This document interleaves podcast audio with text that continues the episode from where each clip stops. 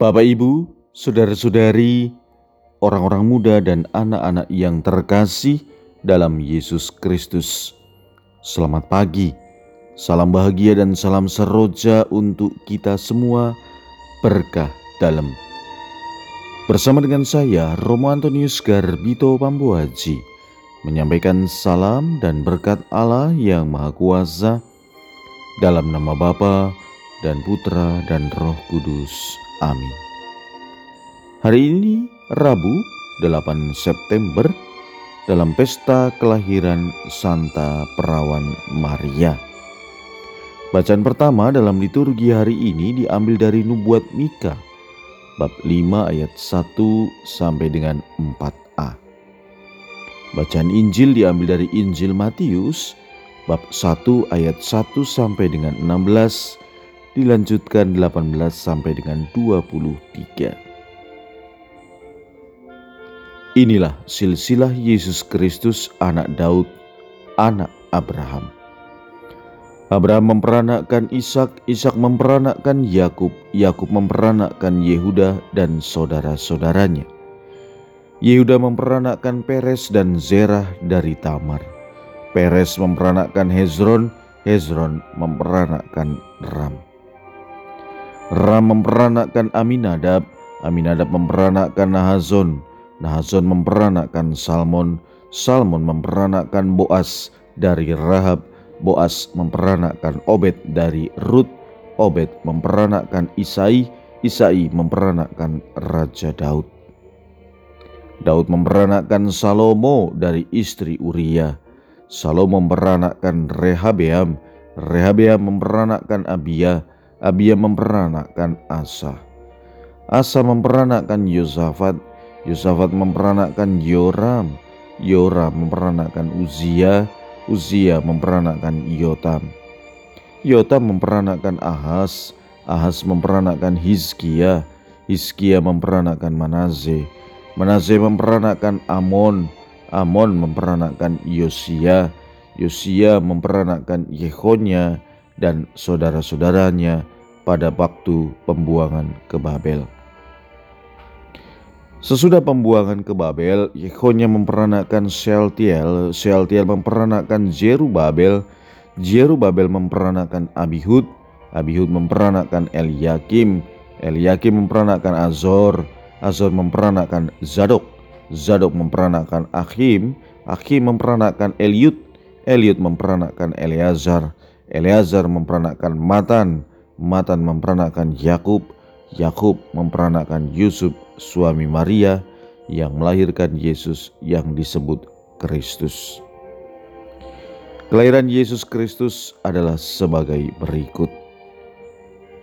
Pada waktu Maria, ibu Yesus bertunangan dengan Yusuf, ternyata Maria mengandung dari Roh Kudus sebelum mereka hidup sebagai suami istri. Karena Yusuf suaminya seorang yang tulus hati dan tidak mau mencemaskan nama istrinya di muka umum, ia bermaksud menceraikannya dengan diam-diam.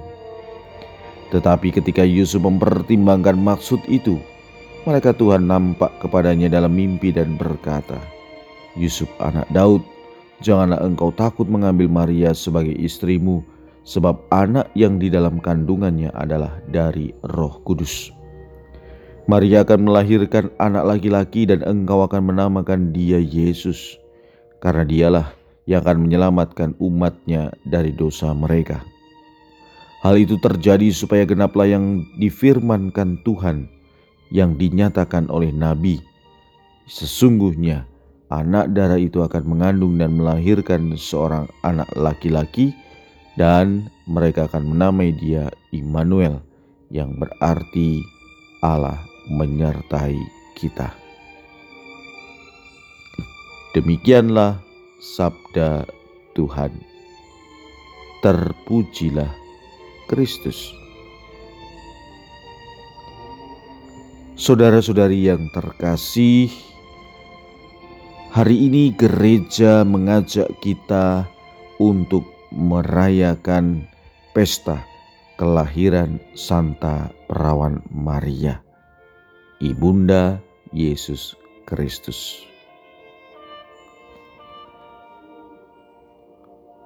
Pesta hari ini membantu kita untuk memandang Bunda Maria dengan segala kebajikan yang dimilikinya, terutama perannya dalam karya keselamatan Allah sebagai Bunda Yesus.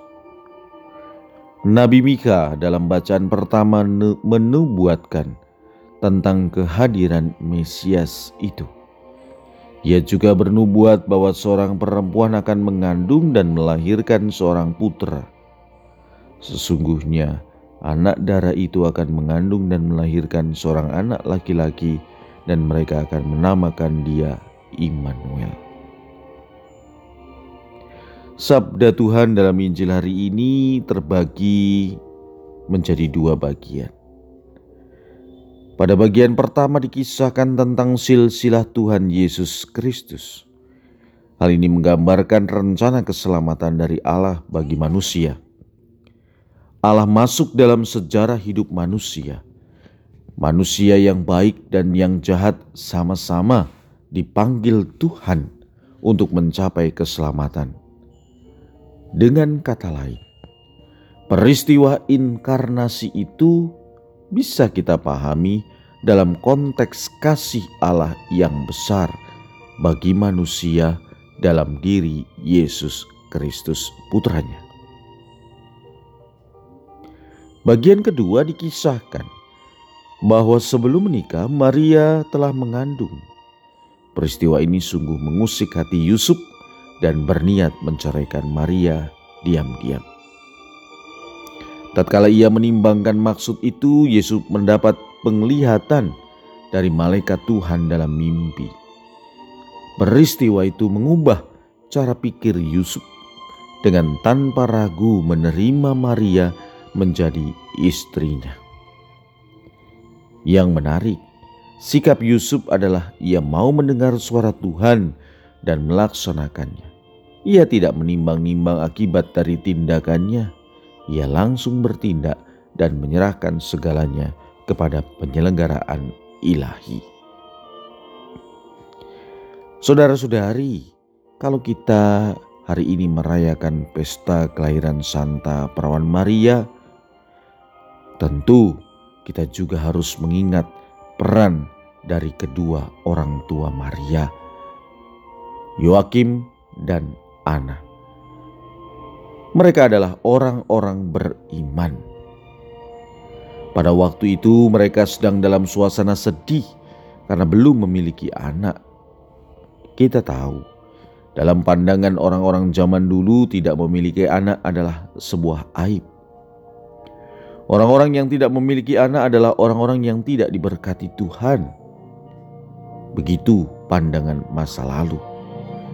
Situasi ini membuat mereka menjadi bahan ejekan.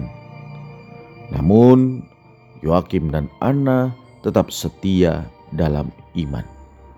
Keduanya percaya bahwa ada rencana baik dari Tuhan untuk hidup mereka. Kesabaran mereka membuahkan hasil dalam diri anak yang lahir tanpa noda, yakni Maria. Kelahiran Maria membawa sukacita, kedamaian, serta menghapus air mata kesedihan dalam hidup Yoakim dan Ana. Kelahiran sang anak adalah saat pemulihan dalam hidup mereka. Dan dari kisah ini, kelahiran Santa Perawan Maria adalah perayaan kasih karunia Tuhan dalam hidup manusia.